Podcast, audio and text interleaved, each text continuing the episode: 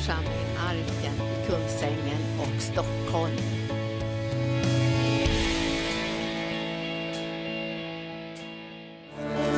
Tack Jesus.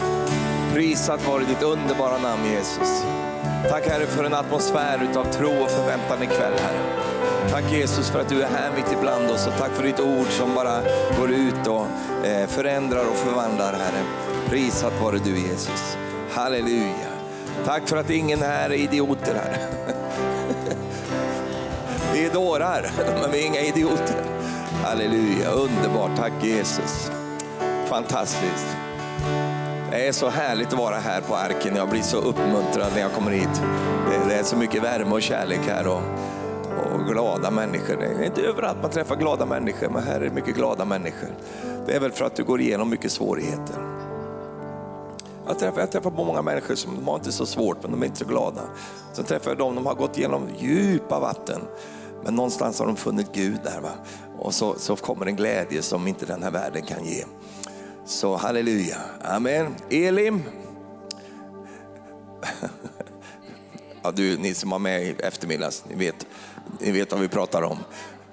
Tolv vattenkällor, halleluja. Amen. Jag vet inte vad det kan stå för i ditt liv, men jag tänker tolv år, va? jag kan tänka tolv platser, jag kan tänka mycket så här.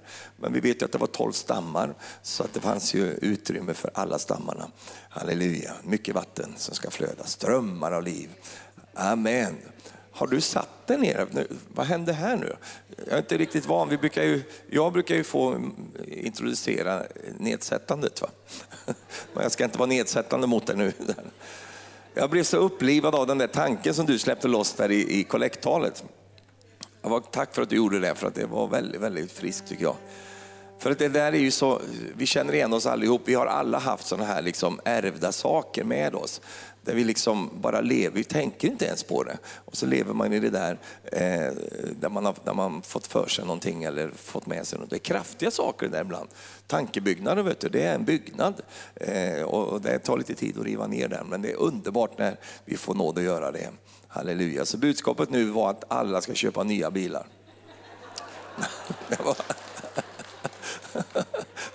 Det är farligt med bilder vet du, och sådana här berättelser, man kan tolka det lite olika. Men eh, halleluja, underbart. Jag skulle gärna vilja fortsätta lite på temat som vi hade i eftermiddags, där vi talade om att gå från Mara till Elim och att eh, vi behöver göra klart vid Mara för att vi inte blir rädda borta vid Elim. Eh, utan att vi har en förväntan när vi kommer. Jag ska inte dra det igen. Men det här, det här som jag ska tala om nu går lite i samma, eh, fast på lite annat sätt, eh, i, i samma, ska vi säga, tecken eller ja, ström. Eh, det finns två stycken eh, tecken som jag älskar. Ett av dem älskar jag mycket, det andra lever jag med också ibland. Och det är de här tecknen vi använder när vi skriver. Va? Eh, utropstecken. Halleluja. Jag gillar utropstecken. Gör inte du det? Jag gillar det. Man skriver till sin fru, vet du, jag älskar dig. Och så skickar man in ett utropstecken, inte bara ett. Jag brukar dra upp en fem, sex stycken där efteråt. För att verkligen, att liksom, vad är ett utropstecken? Ett utropstecken är ju att man verkligen, så att säga, det man tidigare har sagt eller skrivit, det liksom vill man konfirmera, man vill bekräfta det, man vill proklamera att eh, så är det. Amen. Och när du verkligen, alltså det är ju lite grann att skrika när du, när du skriver, va? Så, så trycker du till med ett utropstecken.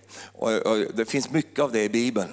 Eh, det vill säga att eh, när Gud talar så talar han eh, bekräftande, han talar proklamerande. Eh, ett utropstecken är som en förkunnare som säger så blir det, eller en profet som, som talar ut och säger så blir det.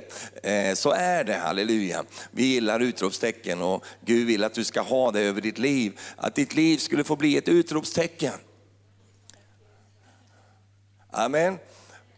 Men ibland så hamnar vi ju i det andra tecknet, frågetecknet. Va? Du visste det va? Och frågetecken det är ju alltså då ett deprimerat utropstecken. Tänk efter. Det är ett nedböjt utropstecken.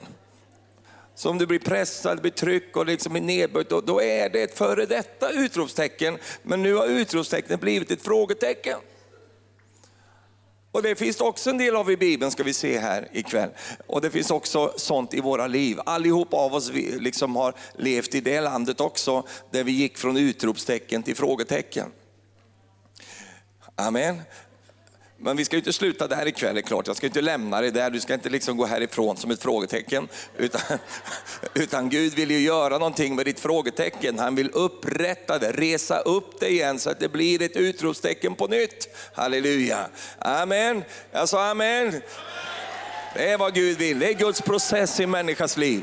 Och Gud är inte speciellt nervös när, när vi hamnar i frågetecknen. Eh, och, och liksom det som var så ska vi säga, tydligt för oss. Och vi är inte ensamma på något sätt i detta. Jag ska ta det, ta, ta det till en man som, som verkligen vet eh, mycket om detta. Eh, och Bibeln är full av personer och personligheter som, som vet precis vad vi pratar om ikväll. Och du sitter här ikväll också och du vet ganska mycket om eh, det här med att hamna i ett frågetecken, det vill säga en undran, en fråga på insidan. Blir det någonting? Någonting och så vidare. Eh, har du varit där någon gång i ditt liv?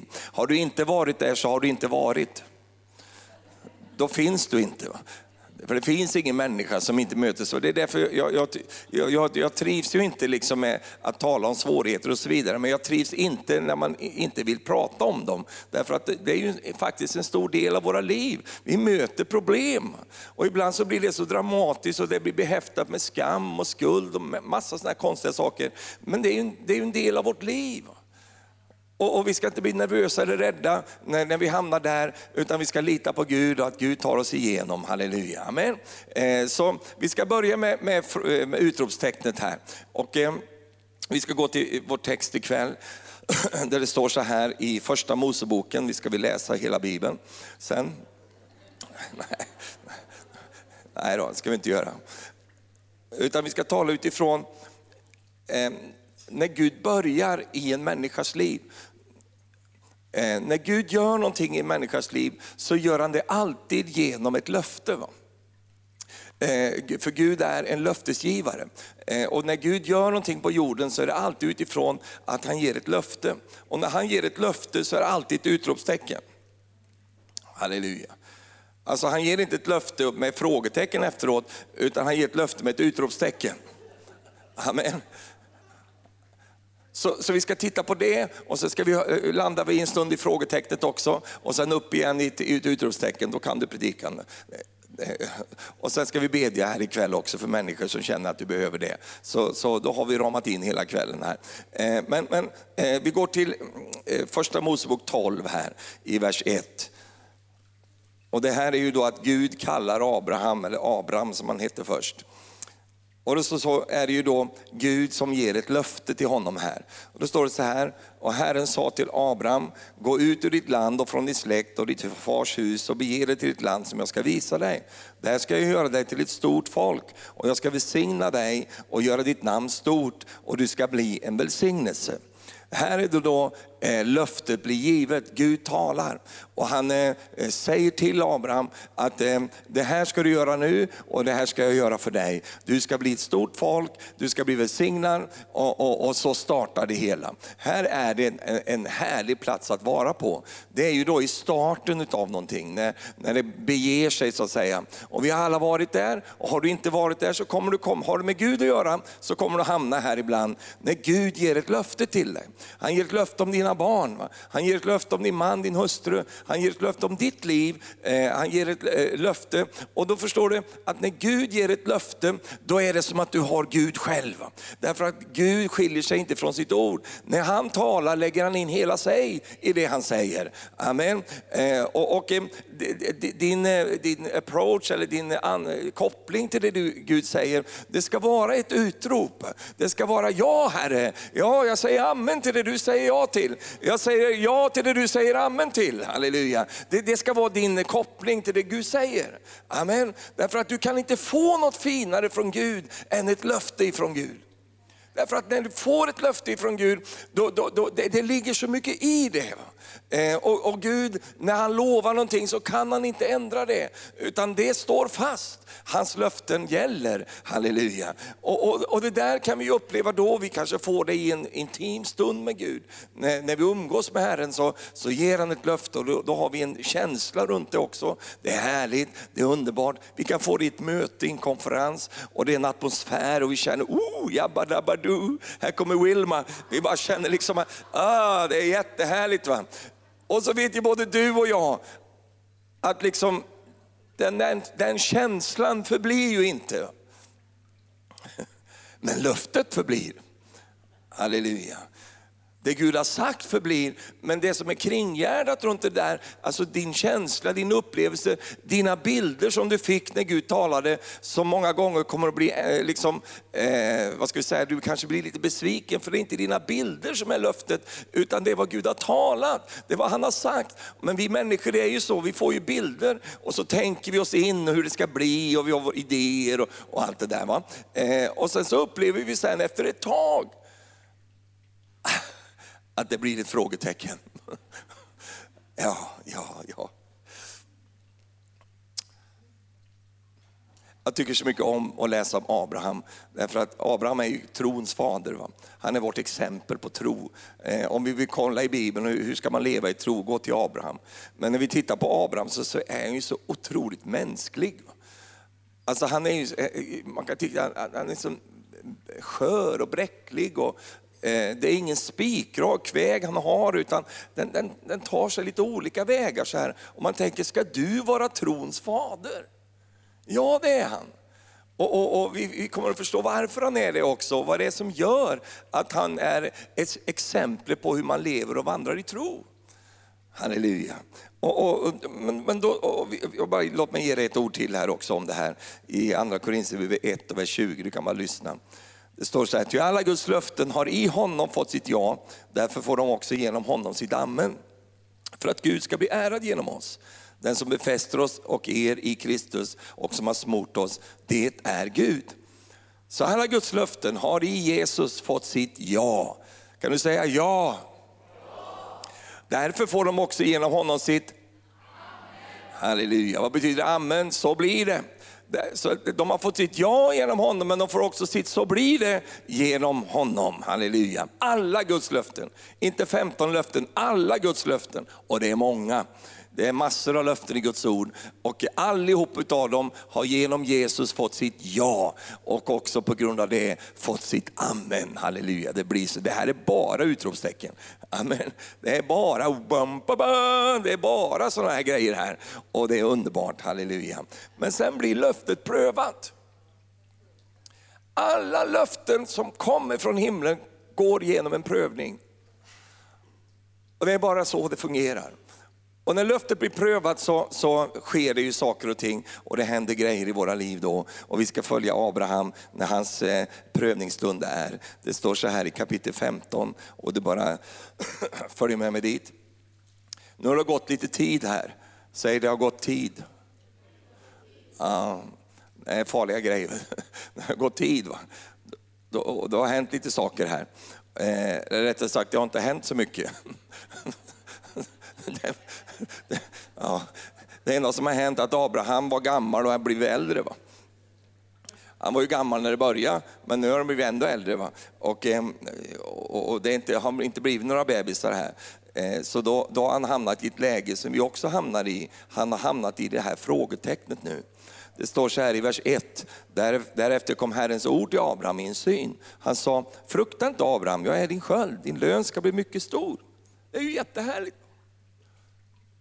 Amen. Men Abraham sa, Herre, Herre, vad ska du då ge mig? Frågetecken. Nu har han gått från den där platsen där det började till den platsen där vi finner oss själva ganska ofta. Alltså det, det som var självklart är inte självklart längre. Det som är, var halleluja kanske inte var så mycket halleluja längre. Utan det var lite mer, nej, nej, nej. Det var lite, han var nere där nu. Och då vill jag ställa en fråga. Abraham, vad har hänt med dig? vad ska du då ge mig? Alltså, helt plötsligt så har han fått en väldigt liten Gud. Va? Vad ska du kunna hitta på att ge mig? Ja, men vi har ju en Gud, han äger ju allt, han är ju allsmäktig, han har ju allting. Och så sitter Abraham och säger, Gud vad, vad hade du tänkt att du skulle ge mig? Jag går ju barnlös bort. Och mig har du inte gett någon avkomma. Så nu får ju Eliezer från Damaskus, nu får han ju bli min, eh, min arvinge. Nu får vi lösa det på det sättet. Alltså nu har han blivit lite sur på Gud. där va? Och kör ett litet tjuvnyp på Gud och drar in Eliezer, den stackaren, och ska använda honom som en, liksom ett bräckjärn mot Gud. Så, då tänker jag, hur kan han ha hamnat här? Va? Och hur responderar Gud på sådana saker? Blir Gud sur på honom? Blir Gud arg på honom? Vad är det med dig Abraham? Nej, nej, inte alls. Utan Gud hjälper honom här. Och vi ska se hur han hjälper honom. Har du varit där någon gång i ditt liv, det helt plötsligt så verkar det som att Gud har svårt att fixa fram det han har lovat? Det du nästan du tycker att snacka går ju. Och det här är också någonting som i andevärlden reser sig upp. Hur blir det med löftet? Va? Ja, ja, ja, ja, vi har väntat länge, nu blir det med det här. Och Fine liksom, han, han, han cirklar runt det här och, och håller på och mobbar och, och grejar runt det här. Det får du vara beredd på. Vad ska du då ge mig? Och han är liksom nedstämd nu, han är deppig nu. Och då är det ändå trons fader som är på det här sättet. Va? Vilket gör att du och jag kan känna oss ganska bekväma. Va? Välkommen till en klubb som heter mänskligheten. Va? En av mitt husfolk kommer ärva mig. Och så säger Gud i vers 4, men Herrens ord kom till honom. Nej, denne ska inte ärva dig, utan en som kommer från din egen kropp ska bli din arvinge. Alltså Gud ändrar inte sina planer för att du blir äldre eller dina omständigheter är i trångmål eller vad det nu kan För att Gud utgår inte från, från dig när han ger ett löfte, han utgår från sig. Va? Tror du inte han visste att Abraham hade problem med det här med, som kallas för barnafödande och sådana grejer? Va? Han var ju 75 år när han fick löftet. Och Sara var ju inte mycket yngre, hon var bara något år yngre.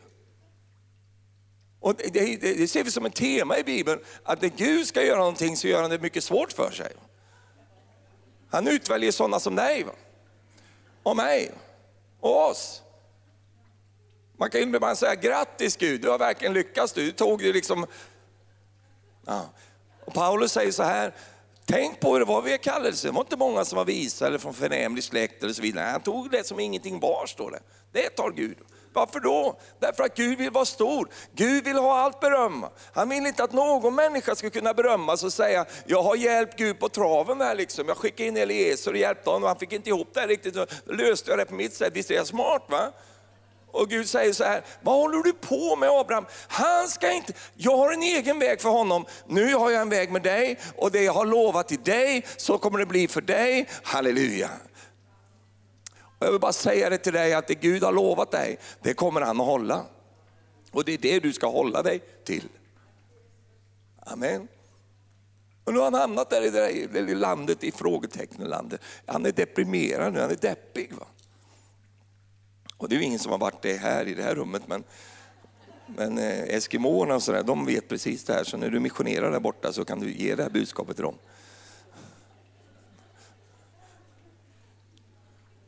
Han var superdeppig. Va?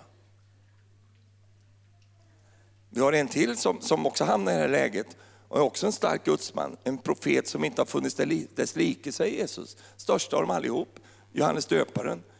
Första gången han ser Jesus så ser han honom komma gåendes.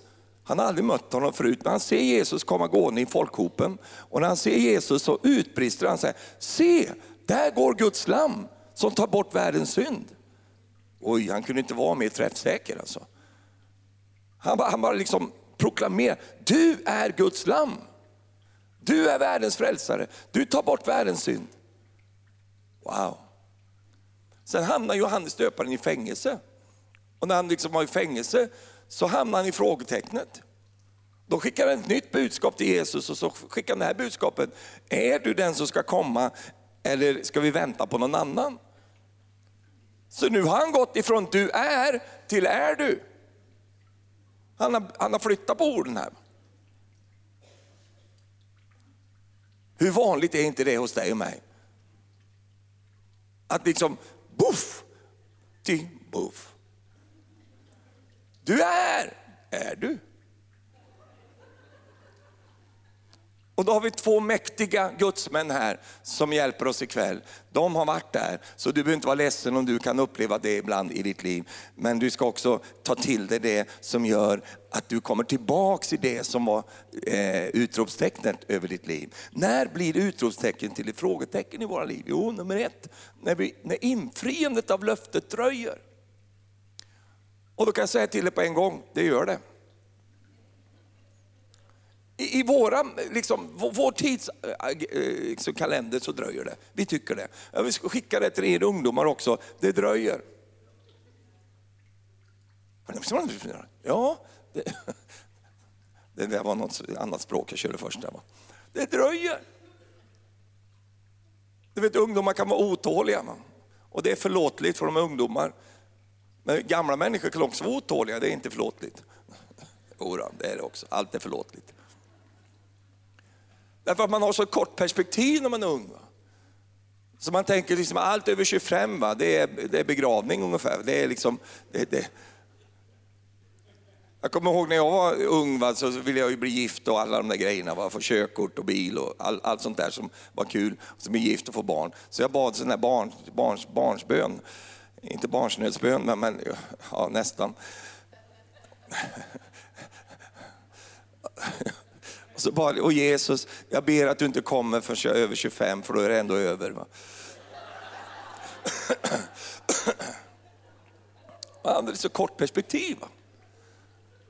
Och då kan man också tänka så här, oj vad det väldigt vad lång tid. Och så, det tycker man ju alltid när man ska göra någonting första gången. Va? Jag menar nu du ska åka, liksom, du ska åka in till Stockholm härifrån. Va? första gången och du tänker, kära någon vad långt det var, jag tog ingen matsäck med mig. Och jag kommer ju svälta ihjäl innan jag kommer till Stockholm. Det är så långt. va. Därför att du känner inte igen terrängen, du har inte varit där förut, du känner inte igen björkarna som står där. Och du har inte varit, och då, då känns det väldigt långt första gången. Men efter att ha börjat pendla och åka fram och tillbaka, helt plötsligt så är det ingen, ingen sträcka alls. Va? Och ni norrlänningar vet ju allt vad jag pratar om. Det är 20 mil, det är ju ingenting. Va? För du har åkt där så mycket, va? Så fram och tillbaka, så du känner igen allting. Du, men, men, men, för oss då, som, som inte har, så, vi tycker det är så långt. Va? För vi har inte vanan, erfarenhet, vi, vi, terrängen och allt det där känner vi inte till. Men så är det också i den här världen, att det, det kan upplevas att det tar så väldigt lång tid det här. Och, och, I vår värld så tycker vi att det dröjer. Men du förstår, Gud har ju en mening med allt det där och han har en plan med allt det där. Och det betyder inte att, det, att bara för att det dröjer så, så, så, kommer det inte att bli. Det kommer att bli, men du måste lita på Gud. Va? Att Gud har full koll på de här sakerna. Kan du säga amen till det då? Så när blir utropstecknet frågetecken? Jo, när det dröjer. Det var ju så det var för Abraham här. Han sitter ju där och tycker att det blir ingenting av det här. Jag kan ju inte få, jag går ju barnlös bort. Va? Det är ju kört det här. Han tyckte det dröjde, då blir det ett frågetecken. Nummer två, när vi blir isolerade. Johannes döparen var isolerad. Och du vet när man är isolerad och sitter i fängelse eller isolerad på andra sätt så är det väldigt lätt att man börjar tänka grejer och få för sig olika saker som inte har alls med verkligheten att göra. Det är därför man använder isolering, för man vill bryta ner människor och få dem att liksom röja information och så. Det är ett sätt man gör när man liksom i, i, i krig och sådär. Då isolerar man människor för då får man människor dit man vill ha dem. Och det är så fienden jobbar också. Han önskar få dig isolerad så att ditt utropstecken blir ett frågetecken. Och det är därför som vi alltid måste slåss mot det. Låt ingen, inget isolera dig. Om en dörr stängs, sparka in den. Det är därför det är så bra att, att liksom man går på möten och man, man, man, man är, kommer i möten, man är med i församlingen. Det, det, det, hjälper det här med isolering alltså. Ja, men jag vill inte gå på möten, jag är så jobbig, jag är jobbig i mitt liv. Och det börjar osa tankar. ja, men då är det väldigt bra att gå på möten. Och då behöver inte du sitta där, liksom, du kan bara, bara sitta där. Va? Du behöver inte göra någonting. Därför att det är nyttigt för oss. Bryta isolering. Det är inte bra för en människa att liksom, eh, bli isolerad. Va? För man kan få för sig alla möjliga, om Johannes döparen kunde få för sig, han som var så klockren när det gällde Jesus tidigare, nu har han, blivit, nu har han fått frågor om honom. Det kan hända allihop av oss. Så isolering är ett sätt som, som eh, gör att, att eh, utåtsträckningen blir nedböjd. Sen nummer tre, när vi börjar tänka på våra egna begränsningar. Har du gjort det någon gång? Du börjar tänka på alla icken i ditt liv. Icke picke pö bodde på en ö. Alltså om du tänker bara så icke-saker, allt det som du inte kan, va? allt det du inte har och allt det som inte är, alla begränsningar som vi har i livet. Va? Och när det börjar fylla upp vårt fokus, ja men då blir det lätt ett frågetecken. Eller nummer fyra, när vi själva börjar sträva efter att uppfylla löftena. Det vill säga helt plötsligt är det vi som ska göra löftena. Det är vi som ska uppfylla det. Men du förstår, det Gud har lovat, det kommer han att hålla. Du ska bara enjoy the ride. Va?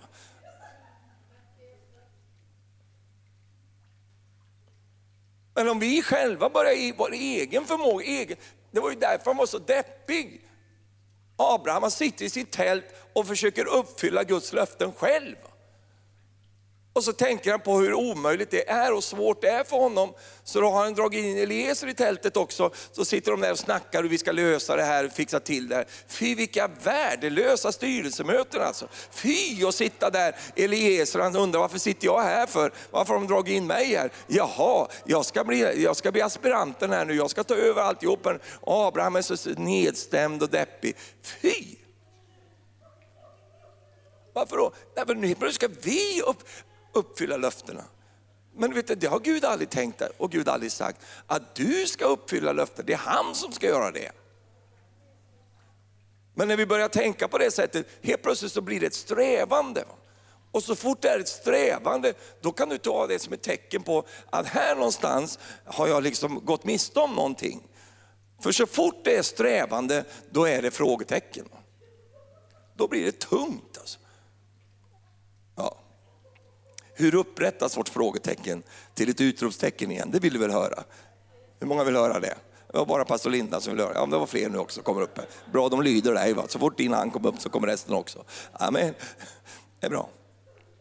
Här upp, hur upprättas det? Jo, låt mig ge dig fyra saker om det också. då. Nummer ett. Vi kan göra så här istället. Jag läser en text för dig, för jag har hämtat allt det här har jag hämtat ur de här texterna. Eh, I Romarbrevet 4, vers 18 står det så här. Där allt hopp var ute trodde han och hoppades ändå att han skulle bli en fader till många folk. Som det var sagt, så talrika ska dina efterkommande bli. Han sviktade inte i tron då han tänkte på att hans egen kropp saknade livskraft, var så som död, står det. Han var då omkring hundra år och att Saras moderliv var dött. Han tvivlade inte i otro på Guds löfte utan blev istället starkare i tron, ty han gav Gud äran. Han var övertygad om att vad Gud hade lovat, det var han också mäktig att hålla.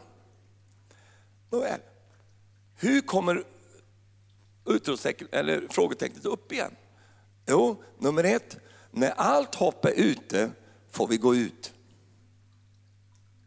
Den fick du inte, men den kommer att landa så småningom. Alltså, det är ju ett talesätt man har, allt hopp är ute.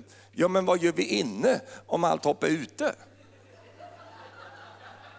Varför sitter du inne när allt hopp är ute? Va?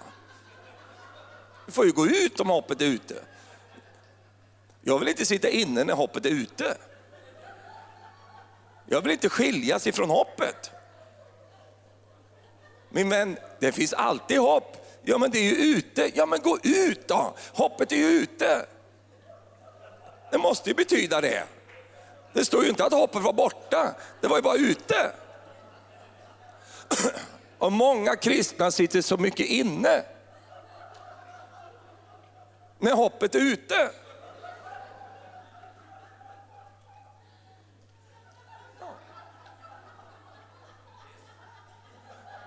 Ja, men om hoppet är inne, ja men då får inte du vara ute. Då får du gå in. Följ hoppet. Alltså det här är mycket djupare än vad du, än vad du förstår. Vi har läst tidigare här. Han förde honom ut, står det. Ja, jag älskar det. Han stod inte ute och skrek på kom ut. Vad gör du där inne? Kom ut. Utan han gick in i hans situation. Vad, vad, betyder det att Gud gick in? Jo, han gick in i Abrahams tält. Därför att Abraham var beduin. Och de bodde i tält. Och de här beduintälten var väldigt speciellt eh, eh, gjorda, det är ökenområde, så de var gjorda av kamelskinn. Och man gjorde de här tälten på det sättet att man vände den glatta sidan uppåt mot solen och så hade man den håriga sidan inåt. Det var det han satt och tittade på. En före detta kamel. Va? Lite kvalster som gick omkring där inne i tältet. där. Och en svansen som hängde ner där och han satt en lampa där. Va? Vad får du för visioner där? va?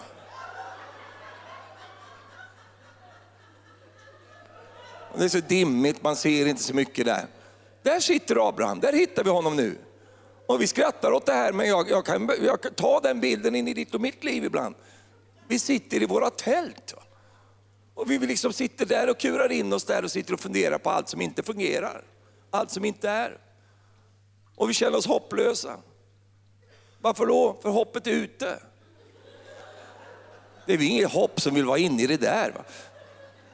Hoppet vägrar gå in där. Va? Hoppet är där ute där stjärnorna finns. Va? Alltså jag predikar jättebra nu känner jag själv alltså.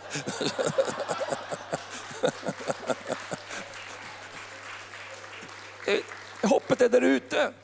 Och det är så underbart med Gud, jag älskar Gud. Och, eller jag förstår det jag men, men jag älskar honom inte mindre på grund av den jag upplever att han är.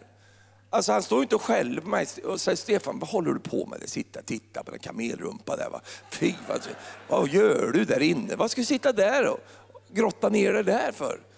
Skärp dig, kom igen nu. Han, han gör inte så, utan han går in och hämtar mig. Det står att han förde honom ut, står det. Och det är det han gör. Han gör det på olika sätt. Ikväll gör han det genom, att, genom förkunnelse, genom, genom att vi är tillsammans. Någon som blir förd ut. Varför då? Hoppet ute.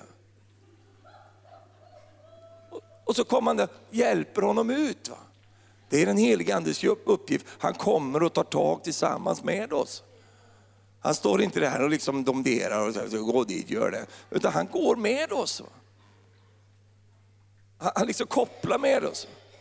Han säger inte till dig så värdelös att du liksom inte fattar ingenting, sitta där i det där surtältet där. Nej, han säger, vi, vi går ut lite Abraham. Alltså Gud är en som pedagog, han, han, fattar oss människor. Det har nog att göra någonstans att han har skapat oss. Va? Han förstår hur vi tickar och fungerar. Va? Till och med de som inte ingen annan förstår, så förstår han. Va? Han fattar dig. Till och med du som är kvinna, han förstår dig med. Det är helt oförståeligt för oss som är män, men han förstår det i alla fall. Har du hört den storyn förresten om... Nej, den, den vågar jag inte ta alltså. Den tar vi en annan gång. I alla fall. Så gick han ut då. Och så säger Gud så här, Abraham, titta på stjärnorna. Han säger inte Netflix, utan titta på stjärnorna. Och så säger kan du räkna stjärnorna? Nej. Men så kan du räkna stjärnorna? Börja räkna nu. Så börjar han räkna, vilken, vilken liksom terapi. Va? Någonstans i början där så är det ju liksom den stjärnan Eliezer, Eliezer, Eliezer. Nej, den, den, den heter inte Eliezer. En, två, tre, fyra. En, två. Så håller han på där vet du räknar. står en gammal gubbe ute i stjärnatten och räknar där. Va? Så han räknar där. Och på något märkligt sätt så händer någonting där inne i Abraham. Va? Det är bara något som sker där inne. Och så börjar han räkna stjärnorna. När jag tänker på det i mitt eget liv så tänker jag så här, stjärnorna är själarna. Jag tänker på själar. Jag tänker på alla själar som ska bli frälsta i Sverige. Halleluja. Istället för att tänka på alla själar som inte har blivit frälsta, så tänker man, oj vad många själar som ska bli frälsta. Vad mycket det, ska. alltså det är ganska många stjärnor där uppe. Va?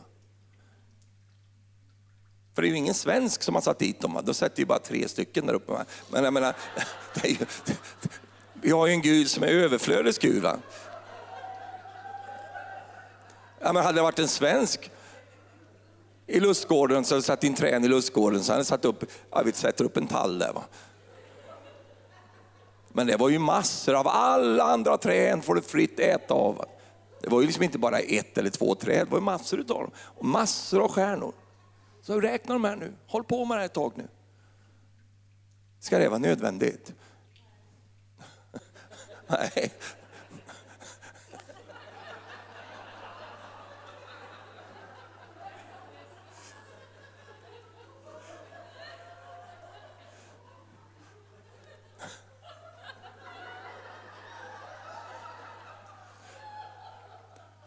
Och det är precis det som är nyttigt för oss ibland. Därför att ibland har vi kört fast oss så i våra tankar. Vi är så nere, vi har liksom eh, hållit på där. Så då, då är det ett litet miljöombyte. Va? Kommer se någonting annat, bara titta på de sakerna. Va? Och efter ett tag så börjar det ske någonting i Abrahams liv, för det står så här. Och han trodde på Herren och det räknades honom till rättfärdighet. Han går tillbaks till tältet, han har inga fler barn. Han har inte ett enda. Det har inte hänt någonting på utsidan, för, för miraklet måste äga rum på insidan innan det kan ske på utsidan. Tron är ett hjärtats tro. Och han trodde på Herren, okej. Okay. Halleluja. När allt hopp är ute, då går vi ut. Amen. Nummer två. Ära Gud i din svaghet. Vi har läst, läst det redan. Han sviktade inte i sin tro när han tänkte på hans egen kropp och saknade livskraft. Han var omkring hundra år. Och att Saras moderliv var så som dött. Han tvivlade inte på i otro på Guds löften, men starkare i sin tro. Jag tycker det är så underbart. Ära Gud, inte för din svaghet, men i den. Hur ärar man Gud i sin svaghet? Jo, Vet du hur man gör det? Man säger Gud, du är mäktig. Man kommer inte till Gud, man, alltså man ärar inte Gud med sin värdelösa ekonomi. Man ärar inte Gud, åh det är så svag. Är så, det är inte det som är att ära Gud. Utan att ära Gud är, i svagheten så ger jag ändå Gud äran för Gud. Va? Att Gud är fortfarande Gud. Va? Och jag ärar dig Gud för att du är Gud. Va? Och du är Gud som är mäktig att hålla det du har lovat. Halleluja. Amen. Jag älskar det, det står i Uppenbarelseboken, så står det så här att eh, Jesus kommer ju till församlingarna och en utav dem så säger han så här, se jag har låtit en dörr stå öppen, det säger han till den här församlingen, se jag har låtit en dörr stå öppen som ingen kan stänga, säger han. Ty, säger han, din kraft är ringa. Alltså, vi kan vända lite på det där. Därför att din kraft är ringa så har jag låtit en dörr stå öppen för dig. Du förstår, svaghet ringhet, kraftlöshet, det är inget problem för Gud. Det är snarare en förutsättning. Därför att ett av de största hindren för att Gud ska kunna göra någonting i våra liv, det är ju att vi är så starka.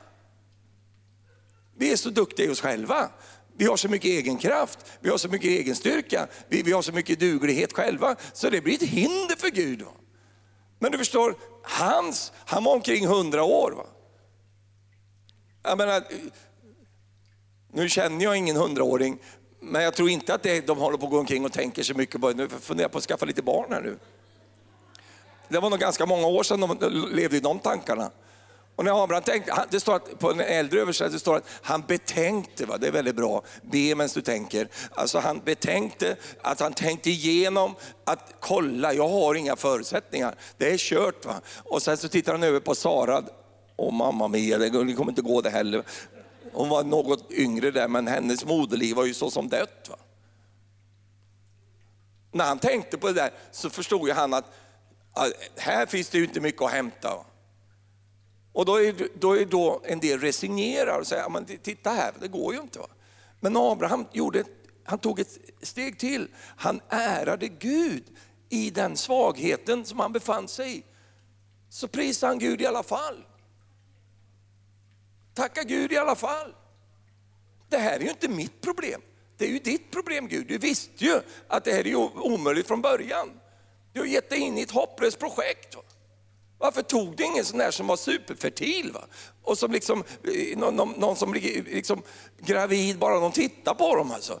Jag menar, det finns ju sådana som bara spottar ut ungar va? hela tiden. Va? Så tar du mig, en gammal gubbe som, som liksom inte har fått till det genom livet, och med en gammal gumma som inte är bättre hon. Det är ju, du får skylla dig själv Gud. Jag blir, jag blir så hoppfull när jag tänker på sånt här. För jag tänker på mina egna skröpligheter och mina egna eh, eh svagheter och allt sånt där. Som man, det, det, blir, det blir ridiculous på engelska. Det blir ridiculosus på latin. är fantastiskt, jag älskar, Gud har ju humor vet du. Ja, ära Gud i din svaghet. Nummer tre, ge upp svårt och acceptera omöjligt. Därför att så länge vi lever i landet svårt så kommer vi aldrig igenom. Därför att så länge någonting är svårt så kommer vi ha aspiranter. Därför att i det här med svårt ligger ju en lurig tanke som säger, om jag verkligen försöker och kämpar och gör alla rätt i boken och läser alla radband som finns och, och, och, gör allt det där och kan allt det där och fixar allt det där. Ja, då finns det en liten, om en liten, men det finns ändå en möjlighet att jag skulle kunna få det här. Det är svårt men må, inte så svårt så att inte jag skulle kunna få må det. Och den, den dörren stänger Jesus och säger glöm svårt, det här är omöjligt. Va? Och du vet att det är så underbart när man kliver över i det omöjliga, det är då man slappnar av. Vet du. Det är då, ja men det här är omöjligt, det går ju inte. Kanon, då kan jag lika gärna vara glad. Då.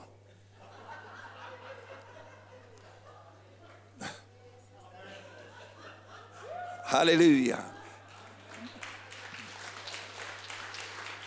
Lägg ner det där svårt. Va? Släpp det och gå in i det omöjliga istället. För där får Gud plats. Gud älskar när vi kommer till den platsen, när vi inser att det här går, det är kört. Va? Det går inte. Det var ju någonstans det som Abraham fattade. Jag kommer aldrig få till det här. Hur mycket jag än försöker, hur mycket jag än sminkar upp Sara där och försöker få henne liksom att bli, nej det kommer inte gå, glöm den tanken. Va? Ja, men tänk dig själv, hon, hon blir, hur skulle, hur skulle, det är ju synd om tanten. Va? benskör och dan, liksom, ska hon bära ett barn där inne och säga, nej fy, det går ju inte. Hur ska hon kunna föda? Kommer rollatorn till förlossningen? Va? Alltså, det, det, det, nu är det många som får alla möjliga bilder i huvudet här, men du kan ju tänka dig själv. Så där någonstans så hamnar han i ett val. Va?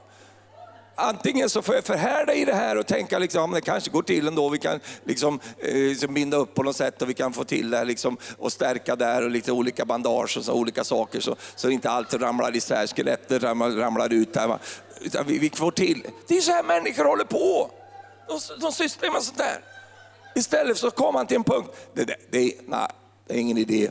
Vi kliver över i det omöjliga istället. Och när han kliver över i det omöjliga, det är då Gud flyttar in. Va?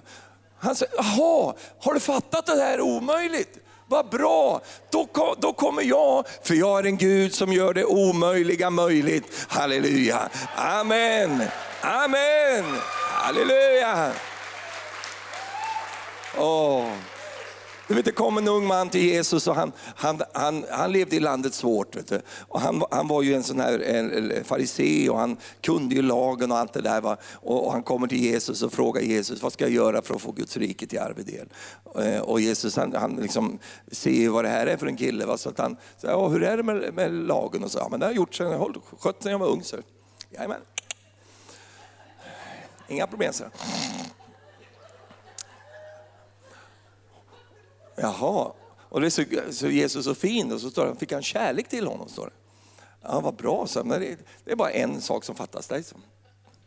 Då, då, kan jag liksom se en sån här personlighet så, som sitter på alla prov och olika saker och, och tänker, en grej, va? det är ju kanon. Va? Alltså de vanliga liksom, laggrejerna, det är ju massa olika liksom, grejer där som man måste möta upp till. Bara en grej, bring it on. Du kan gå och sälja allt du äger och ge åt de fattiga och sen kommer du följa mig Sen ska du få skatt i himlen sen. då, då sjönk ju hans mod rakt ner i sockorna. Va? Och då står det, då gick han bedrövad därifrån. Va? Och medan han går nedböjd som ett frågetecken så går han där och då säger Jesus, hur svårt är det inte för en som är rik att komma in i Guds rike? Det är faktiskt eh, lättare. Och så tittar han runt där, han är ju i det området, så ser han ju en kamel som går där. Sen, det är ju lättare, och den kamelen där borta, att tränga sig igenom ett synhålsöga. Det är lättare faktiskt för den än för en som är rik att komma in i Guds rike. Och då står hans lärjungar och så tänker kamel tränga igenom det. Kanske går på något sätt. Va? Asch, puckeln tog emot, va? vi kom inte igenom. Och tänker, och då tänker lärjungar, men då brister lärjungar ut. Men hur kan, hur kan då någon bli frälst? Då? Och då säger inte Jesus, ja men du förstår det är liksom eh, allegoriskt, jag pratar ju lite, fattar du väl? Kom, vi, vi, vi. Nej, nej, nej. Då säger jo men för människor är det omöjligt, vet du. det går inte. Det är kört. Men inte för Gud.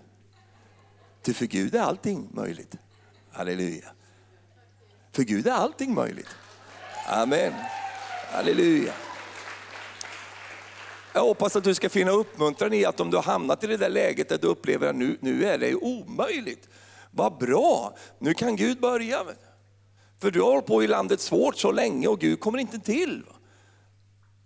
För du är så rediga själver som de säger i Västergötland. Det var en mannen som skulle gå med i någon slags nätverk och så säger han så här till de som administrerar det. Jag förväntar mig bli redigt bemött för jag är så redig själver.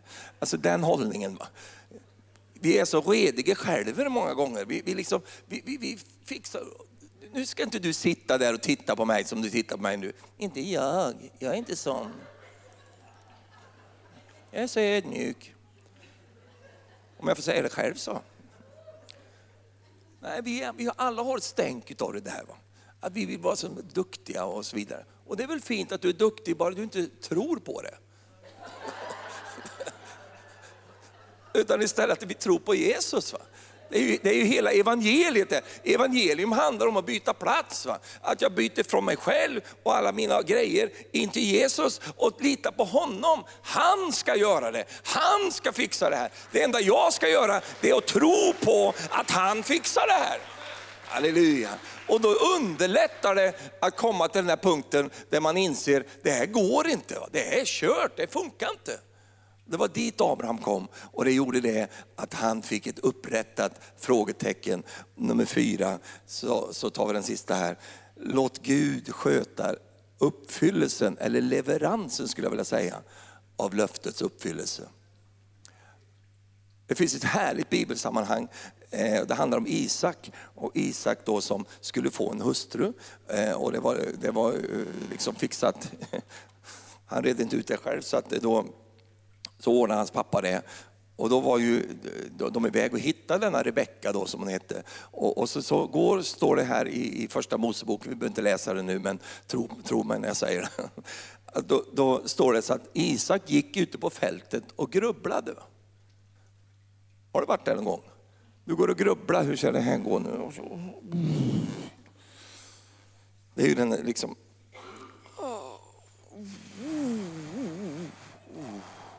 Han gick och grubblade där ute på fältet. Och sen står det, sen såg han upp, står det. Och så såg han kameler komma. Mm. Det kommer du också göra. Fast det inte är kameler så som vi tänker kameler, utan det är något annat som är fult. Va? Eller som inte tilltalar dig, eller någonting som du tänker, det har väl ingenting med det jag önskar att göra. Men det var ju inte kamelen som var löftet, det var ju det som satt på kamelen. Och det står inte att Isak såg Rebecka, men det står att Rebecka såg Isak. Och så är det många gånger. Löftet ser dig, men det är inte alltid du ser löftet därför att du tittar bara på kamelen. Alltså budbäraren. Den, den, den, den, leveransen. Leverans, leveranser kan komma. Det var ju så på den tiden. Kamel, ja men det var ju så man skickade grejer med kameler förr i tiden. Nu är det ju Postnord, oh my god.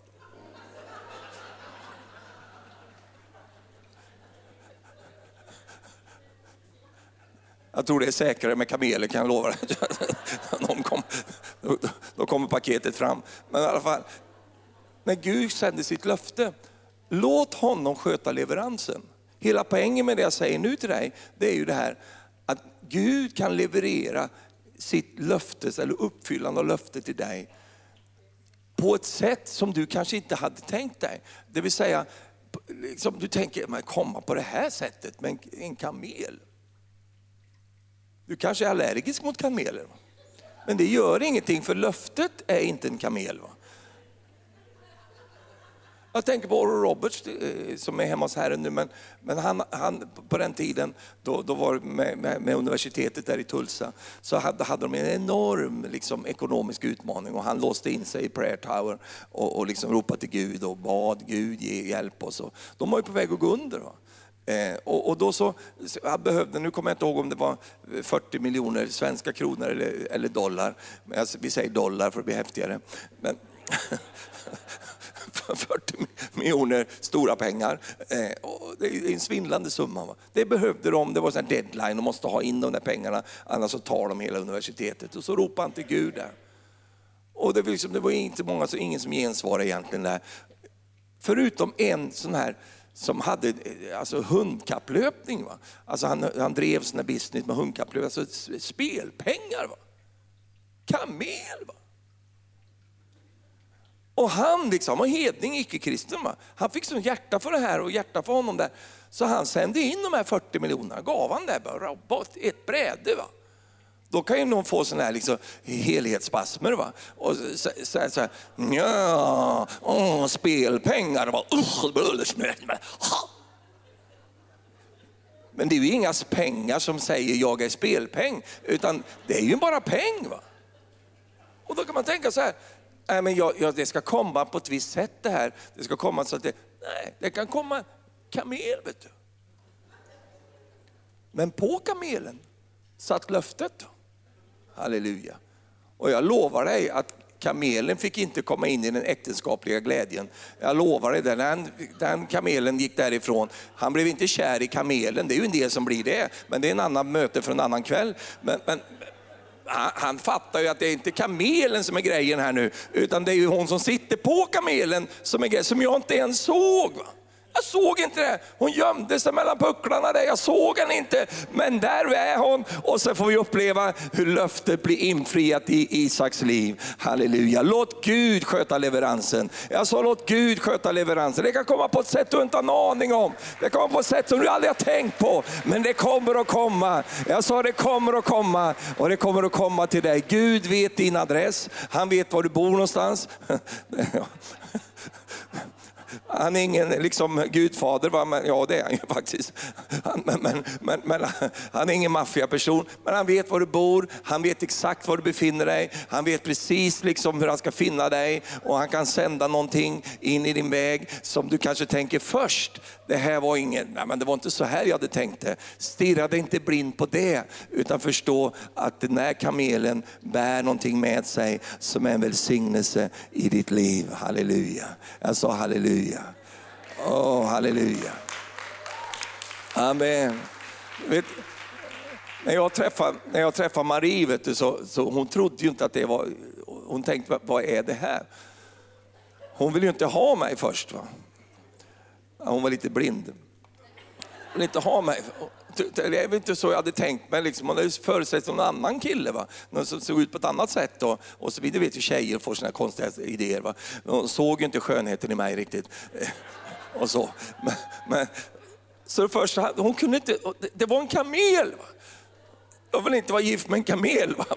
Men hon fattar inte att bakom den här kamelstilen va, så fanns det ett fantastiskt löfte där som var på väg in i hennes liv. Tack gode Gud att hon gjorde vad du ska göra. Hon bad till Gud och hon sa, vad är det där för någonting? Är det någonting mer än det jag ser? Är det någonting där under kamelmuren? Eh, är det någonting bakom där? Finns det någonting mellan pucklarna där som döljer sig som jag inte ser? För jag ser en stor kamel som kommer in här och han har ingen stil alls. Och det verkar är det verkligen rätt det här? Finns det något mer än det här? Och så talar Gud till henne och säger, det där Marie, det är din man, halleluja. Och så fick hon tro för att löftet fanns där. Det fanns där för henne Gissa om hon är glad för det. Vet du. Halleluja! Oh, prisat vare Herrens namn. Hon är så glad. Vet du. Halleluja! Du ska tänka på det i ditt liv. Att många gånger när löftet kommer så, så, så är det, liksom, det är dolt i, i vardagligheten. Det är dolt i, i saker som kan vara med, ha med stoft att göra. Det kan ha med allt det där. Det är lite test ifrån Gud att du verkligen liksom kan, kan ta emot det på, på ändå i ditt liv. Halleluja. Och jag bara upplever det, det bara, liksom, jag känner det bara bubbla på insidan av mig nu. Och jag bara känner det att det finns, finns leveranser på gång. Halleluja. Amen. Det finns leveranser på gång, prisat vare Gud. Och Gud kan använda människor in i ditt liv som du tänkte, de här människorna finns ju inte. Det är ju, oj, oj, oj, kära någon, vad, vad, vad hade han dem någonstans? Du vet att Gud kan skicka människor från andra sidan jorden fram till dig. Men du ska förstå att det inte är den här människan som är löftets uppfyllande. Det är det vad den människan bringar in i ditt liv. Det är det som är löftets uppfyllelse. Halleluja. Åh, så vi suddar bort alla religiösa konstiga tankar runt omkring det här och så drar vi in det i verkligheten. Prisat vare Herrens namn. Låt Gud sköta leveransen. Jag sa låt Gud sköta leveransen. Då ska du få se att det där frågetecknet det reser sig upp till ett underbart utropstecken igen. Halleluja. Du ska gå ut med ditt liv i ett utropstecken. Kan du säga amen till det? Nu kanske det har varit ett, ett, frågetecken och det får det vara en tid, men det ska inte förbli så, utan det ska bli ett utropstecken. Vad är skillnaden mellan det första utropstecknet som du hade första gången när det begav sig? När du upplevde det där tilltalet och härlig och legosia liksom, och allt som var där. Och, och det utropstecken som kommer efter du har gått igenom det där, vad är skillnaden? liksom? Jo, det är ett utropstecken, men skillnaden är att när du är här så har du också gått igenom någonting som gör att alltså, jag kan säga, ditt utropstecken får ett extra skimmer. Va? Det är någonting som, som liksom kommer över det utropstecknet och, och det blir liksom mer botten bottnat i vem Gud är. Va? Det blir mer ska vi säga, substantiellt. Va? Det finns någonting med det där, som, det utropstecken. För att det säger så här, ja, jag trodde aldrig det skulle kunna ske. Ja, det verkar helt hopplöst. Det verkar helt omöjligt. Det gick ju inte alls, allt hopp var ju ute. Men tack gode Gud, jag gick ut och så hittade jag hoppet igen. Och så har du den här upprättelsen i ditt liv. Halleluja! Wow, prisat vare Herrens namn. Amen! Åh, oh, halleluja. Halleluja, åh vad glad jag blir när jag tänker på det där. Halleluja. Åh, vi ska inte gå ner som ett frågetecken, vi ska gå vidare som ett utropstecken. Amen, tack Jesus. Jag tror nog någonstans att Johannes döparen, han fick vad han behövde.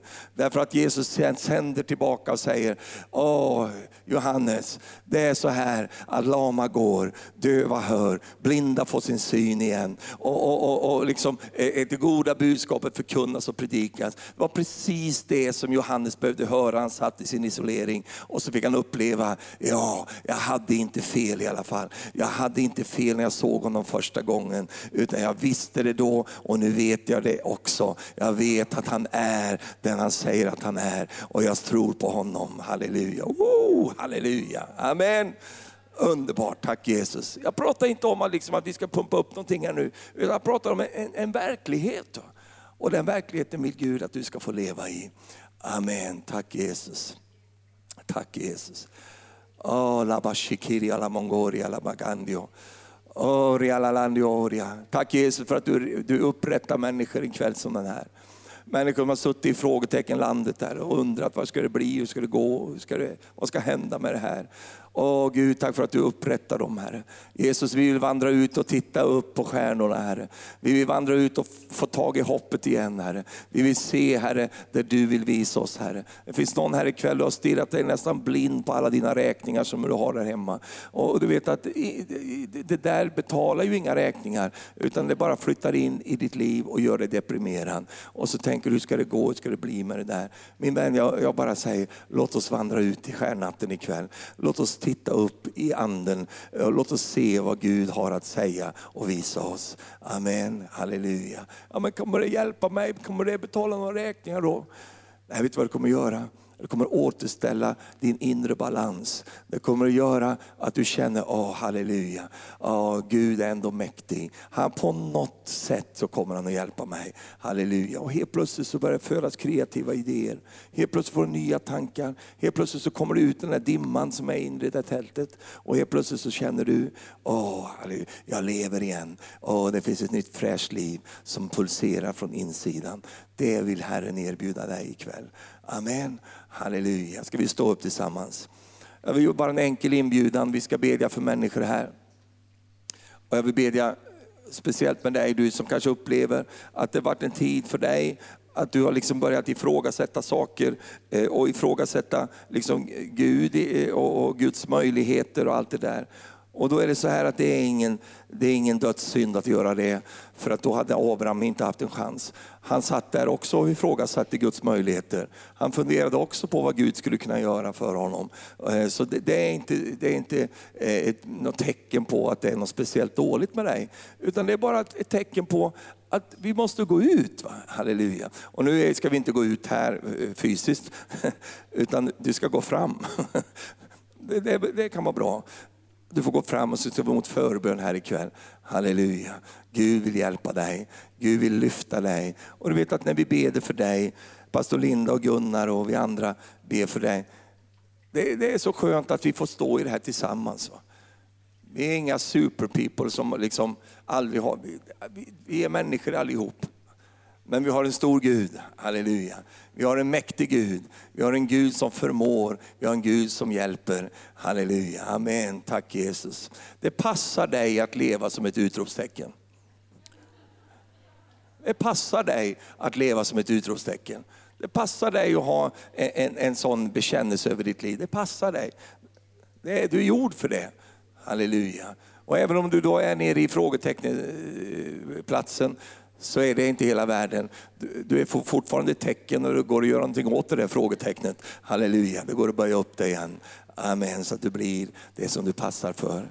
Halleluja. Tack Jesus. Du som behöver förbön nu ikväll, kom fram snabbt här och bara ställ dig här framme så ska vi börja bedja. Lovsångarna kommer och hjälper oss. Halleluja. Amen. Tack Jesus. Halleluja. Jag förstår att vi har många förebedjare som hjälper oss ikväll. Va? Vi brukar ha det. Halleluja. Amen. Tack Jesus. Tack Jesus. Det finns ingen plats som jag reser, pastor Linda, det finns ingen plats som jag reser på, och jag reser mycket, där det är, människor är så snabba att gensvara till, till när man kallar fram till förbön. Jag vill bara, åh, det är ju underbart. En del får man ju dra, det är så, en del får man hålla på att dra i all evighet innan de kommer fram. Men här, halleluja, så kommer människor fram. Det är väldigt bra det. Amen. Tack Jesus. Herre, du ser var och en som står här framme, Herre. Du vet var var och en befinner sig någonstans, Jesus. Och Herre, nu tackar vi dig att vi får gå ut, Herre. Vi får gå ut där hoppet finns, Herre. Herre, jag ber, Herre, att i våra hjärtan, Herre, i, i, i vår ande, Herre, att vi får se de där stjärnorna, Herre. Vi får se det som du vill visa oss, Herre. Att vi, vi, vi får, får lyfta vår blick, Herre, och se på dig, Jesus. Tack för det, Herre. Herre, tack för att du rätar upp frågetecken ikväll, Herre. Tack för att du upprättar människor, Jesus. Ge dem tillbaka utropstecknet, Jesus.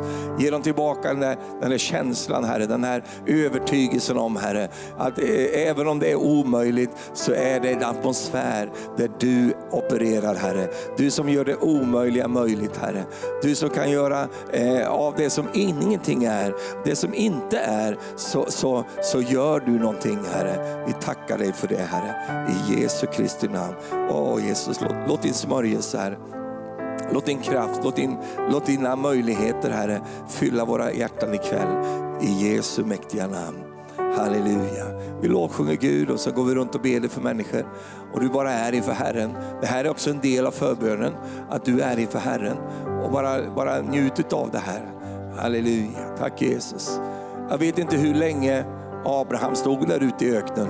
Jag vet inte, han kanske stod där hela natten. Jag vet inte, det är ganska lång tid att räkna. Vet du. Men han stod tillräckligt länge så att tron fyllde hans hjärta så att han kunde välja in Gud i sitt liv. Halleluja. Amen. Tack Jesus.